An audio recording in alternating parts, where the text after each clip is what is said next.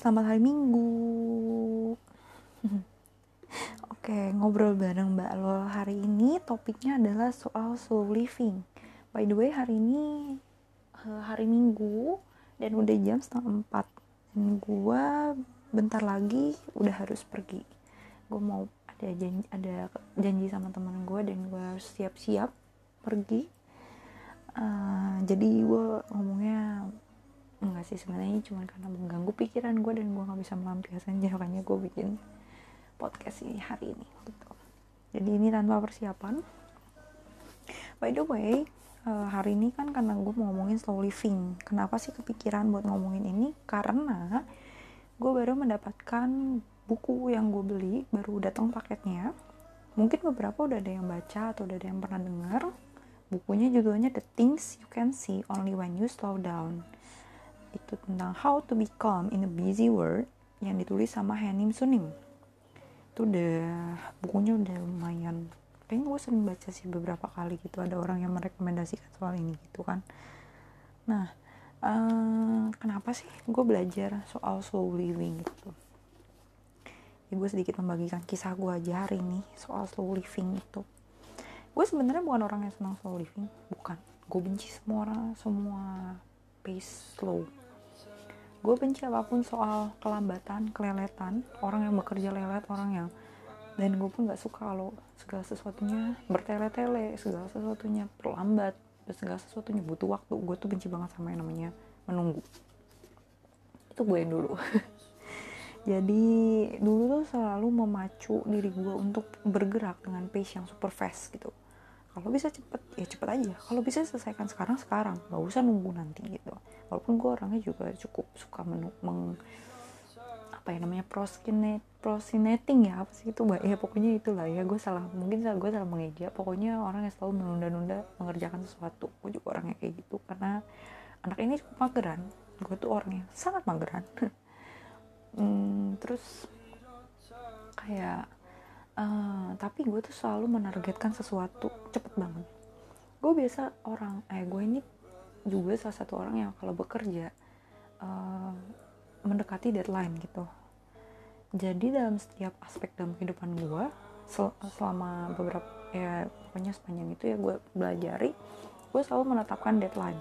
Misalnya oh pas nanti ulang tahun gue nih gue mau turun berat badan misalnya sebesar uh, sekian kilo gitu sampai mencapai berat badan itu. Oh gue mau pensiun di umur sekian gitu. Jadi ada targetnya. Tapi sayangnya karena kebiasaan uh, bergerak cepat gue tuh nggak pernah menikmati prosesnya. Gue cuma kayak tujuh pokoknya gue harus mencapai deadline gitu kan. Kalau soal kerja eh enggak bukan soal kerjaan sih kalau kerjaan sih gue masih kerjain itu karena memang susah ya. Kalau misalnya yang kayak tugas dulu waktu gue kuliah gue selalu mengerjakan. Misalnya tugasnya dikumpulkan hari Selasa. Gue akan mengerjakan hari Senin malam.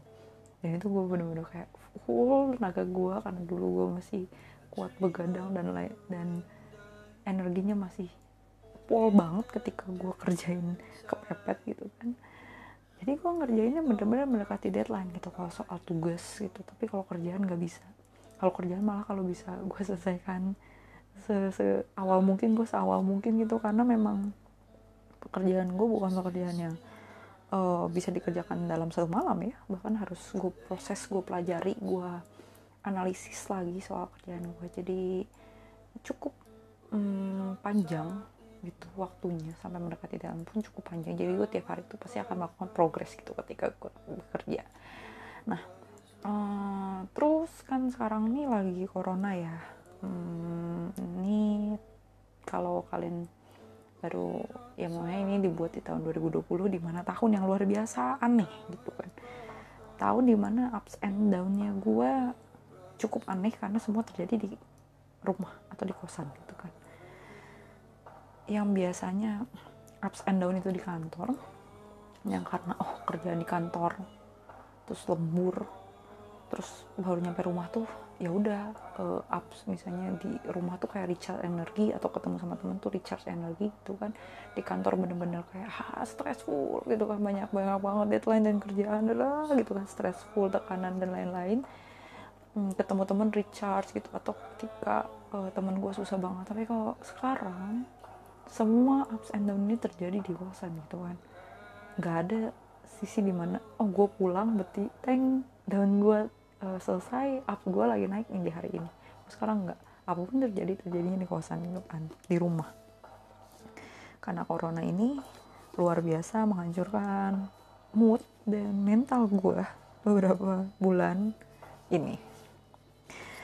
Uh, jadi udah dari bulan Maret gue starting WFH dan sekarang udah bulan Agustus. Berapa bulan tuh? Lima bulan coy ya belum lah. Tanggal 18 itu baru lima bulan gue WFH cuma berapa kali ke kantor kayaknya kalau bisa bisa dihitung jari deh. Kayaknya gue cuma tiga kali atau empat. Pokoknya kurang dari lima deh gue ke kantor. Harus ke kantor tuh cuma lima ya sepuluh. Enggak sepuluh sih paling delapan lah paling banyak gitu kan. Karena selang-seling. Satu minggu tuh bisa gue cuma tiga hari atau dua hari gue ke kantor sisanya WFA gitu itu pun waktu karena memang ada kerjaan yang harus dikerjakan di kantor. Dan gue begitu happy ke kantor waktu itu. Karena mungkin udah bosen jenuh banget. Gue ada di kosan gue nggak bisa ke mana-mana. Gue cuma bisa ke supermarket kalau dulu. Jadi begitu pas WFO itu happy banget. Nah begitu selesai WFO begitu kerjaan di kantor nggak ada yang perlu dikerjain untuk datang sampai ke kantor dan di, dari keputusan dari kantor pun mengizinkan gue untuk WFH defaultnya untuk WFH akhirnya gue mulai starting WFH lagi. Dan di situlah mulai sering banget mental gue down gitu. Gue merasa jenuh kali ya karena gue nggak ada temen ngobrol sih lebih tepatnya. Maksudnya nggak ada temen yang langsung bertatapan langsung apalagi dengan gue yang merupakan hamba afeksi ini yang biasanya kalau ketemu temen pelukan dulu sebelum pulang atau pas ketemu hai apa kabar? Cipika cipiki dan lain-lain. Sekarang nggak bisa. Jadi itu cukup membuat gue cukup stres gitu. Apalagi nggak bisa seenaknya juga ngajak orang keluar atau pergi keluar gitu kan. Masih mikir gitu kadang kalau ngajak biasanya kalau gue mau ngajak itu seminggu sekali. Tapi itu pun baru akhir-akhir ini. Misalnya minggu ini gue pergi gitu. Ya gue gue seminggu full gue gak akan ke mana-mana. Ibaratnya gue kayak karantina mandiri gitu kan. Tapi nantinya um, ketemu lagi gitu. Jadi kayak semacam membatasi diri untuk bertemu orang lain. Cukup stres banget. Dan gue sampai pernah tidur lalu berpikir oh ini baru Agustus. Oktober tuh masih lama ya atau karena Oktober kan biasanya baru mulai masuk uh, eh, gue baru masuk lagi ke year end gitu kan pekerjaan gue dan biasanya udah mulai busy busy dan kalau udah busy kan gue juga lupa ya soal stres-stres ini karena gue udah pusing sama hal lain gitu. Dan gue menunggu gitu menunggu sampai momen-momen sesibuk itu lagi. Tapi ternyata masih lama ya gitu. Kapan ya ini berakhir? Kapan ya gue bisa jalan-jalan lagi ke Bali? Kapan ya gue bisa ke sana ke sini tanpa harus ketakut kapan ya gue bisa ketemu teman-teman gue lagi? Tanpa ngerasa takut. Gitu. Dan apa yang mau gue bahas adalah gue juga di sini. Uh, ini awal mulanya. Jadi karena adanya corona ini gue otomatis ada di kosan full. Dan itu membuat gue cukup sesak emang ruang gerak gue terbatas banget ketika gue ada di kosan ini. Dan akhirnya membuat gue berpikir apakah gue harus pindah ke yang lebih besar supaya ruang gerak gue jauh lebih bebas? Atau gue perlu nyewa apartemen? Atau gue perlu beli rumah? Ini tuh membuat gue semakin berpikir lo gue semakin berpikir juga gimana caranya gue pensiun ya nanti gue pensiun seperti apa. Akhirnya jadi karena mungkin nggak busy ya nggak sibuk pikiran gue melayang lah ke mana-mana. Dan salah satunya itu gitu kan terus gue selalu merasa selalu pengen terburu-buru gitu selalu pengen cepet gitu. Soal banyak target dalam kehidupan gue turun berat badan uh, nemuin kosan yang cocok terus beli rumah beli properti pensiun jalan-jalan mengumpulkan uang dan lain-lain gitu. Gue pengen semuanya serba cepat tapi memang ya kadang itu membahayakan gue terutama soal fokus weight loss ya ini ya.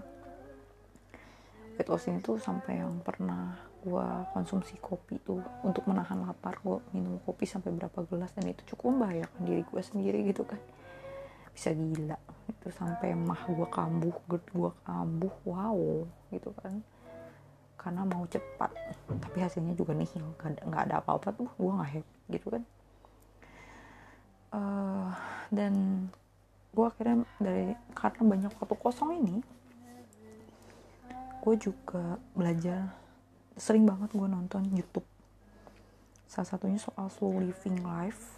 Uh, jadi gue mempelajari soal slow living life gitu kayak oke okay, uh, sepertinya gue harus gue lihat itu setiap orang kayak enggak sih sebenarnya kayak vlognya itu dia ngajarin gimana sih caranya hidup tuh lebih pelan lebih nikmatin prosesnya lebih nikmatin hidup.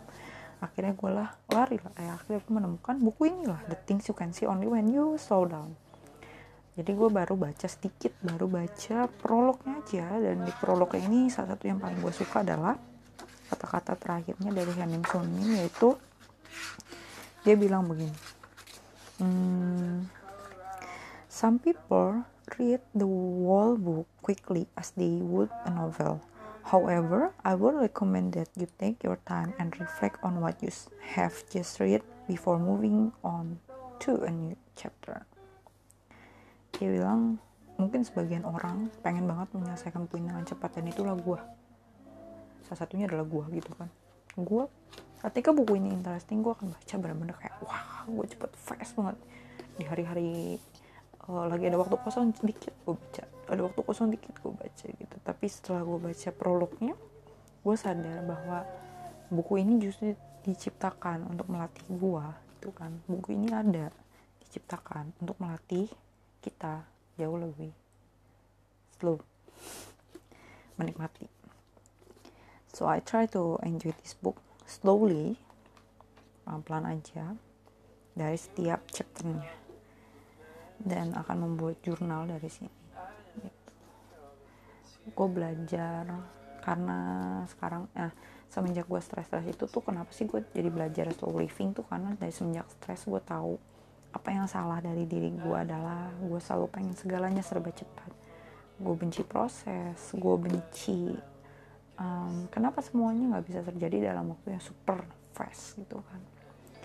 Akhirnya untuk menetralisir pikiran gue gue melakukan meditasi setiap kadang setiap pagi atau kadang setiap malam. Tapi itu juga ya tergantung lah ketika gue memang lagi pikiran gue lagi kacau balau gue akan meditasi. Ya 10 sampai 15 menit dan itu cukup menenangkan pikiran gue uh, lalu gue akan mulai kayak journaling itu juga membantu apa yang gue rasakan gitu. Dan juga menulis blog. Nah salah satu tulisan gue di medium ada soal kenapa sih harus selalu terburu-buru. Gue di situ merefleksikan sebenarnya apa yang gue rasakan dan yang membuat gue stres gitu. Gue situ tulis soal oh iya kenapa gue harus memaksakan untuk punya properti dalam waktu cepat? gitu. Padahal gue kerja pun baru satu hampir dua tahun lah. Oktober ini gue dua tahun kerja. Um, kenapa harus buru-buru? Gitu. Kenapa kamu nggak menikmati? Kenapa kamu harus cepet cepet punya? Gitu. Kenapa harus cepet-cepet punya? Desain siapa? Di lomba sama siapa? Gitu. Kedua soal hmm, uh, oh jabatan karir gitu gue dulu orangnya ambisius kayak oh gue pengen mencapai karir segini segini segini di umur segini gue harus udah harus S2 di umur segini gue harus certified ini ini ini ini gitu. Harus mencapai ya pokoknya sesuai targetnya gitu kan. Gue gak menikmati prosesnya gue cuma tahu ya gue pengen dapetin itu gitu kan. Tapi gue nggak menikmati prosesnya. Padahal di tempat gue kerja ini hal utama yang perlu dilakukan selain kerja adalah belajar banyak banget hal yang sangat harus gue pelajari di sini. Gue tahu karena itu juga salah satu kekurangan gue gue nggak kurang apa ya kurang menikmati untuk memproses belajar gitu gitu gue cuma taunya oh kerja kerja kerja. Padahal bisa gue renungkan beberapa bulan ini jadi tiga bulan ini gue banyak merenung adalah hal pertama yang paling penting justru belajar. Ketika di sini adalah banyak mentor banyak ahlinya di mana gue bisa mengulik di mana gue bisa belajar. Gak cuma sekedar soal ilmu uh, apanya sih akuntingnya ya tapi lebih eh tapi juga ke arah manusianya. Gimana cara ngehandle kalau ada klien begini begini begini? Gimana caranya menyelesaikan deadline? Gimana caranya menahan pressure? Gimana caranya uh, bersosialisasi dengan teman-teman kantor gitu kan dengan orang-orang yang lagi high, high pressure gitu kan. Kan kalau di kantor biasa mungkin pressure-nya nggak setinggi ini gitu kan. Ini cukup tinggi dan gimana caranya lu tetap bisa tenang even lu uh, dalam pressure yang sangat wow gitu kan. Itu belajar kan. Nah di situlah yang gue merenung oh oke okay, gue harus tetap belajar gue harus gue harus mempelajari banyak hal itu gue harus slow gue harus menikmati prosesnya. Gue nikmati dari hari-hari ke harinya. Bukan target apa yang mau gue capai bukan cuma sekedar itu maksudnya. Lu mungkin boleh punya tujuan. Di tahun segini gue udah certified misalnya.